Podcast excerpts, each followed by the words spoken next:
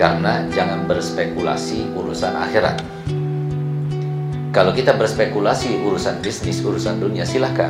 Paling-paling mentok-mentoknya kita di penjara.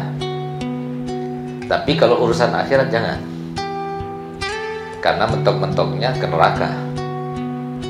Dan neraka itu bukan seperti di dunia. Satu harinya di neraka sama seperti seribu tahun di dunia.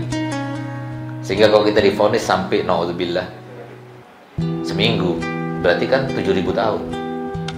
Sebulan berarti kan 30.000 tahun. Setahun berarti kan 355.000 tahun. Nah, siapa yang bisa menanggungnya? Innallaha syadidul iqab. Sesungguhnya Allah Ta'ala itu sangat pedih azabnya, siksanya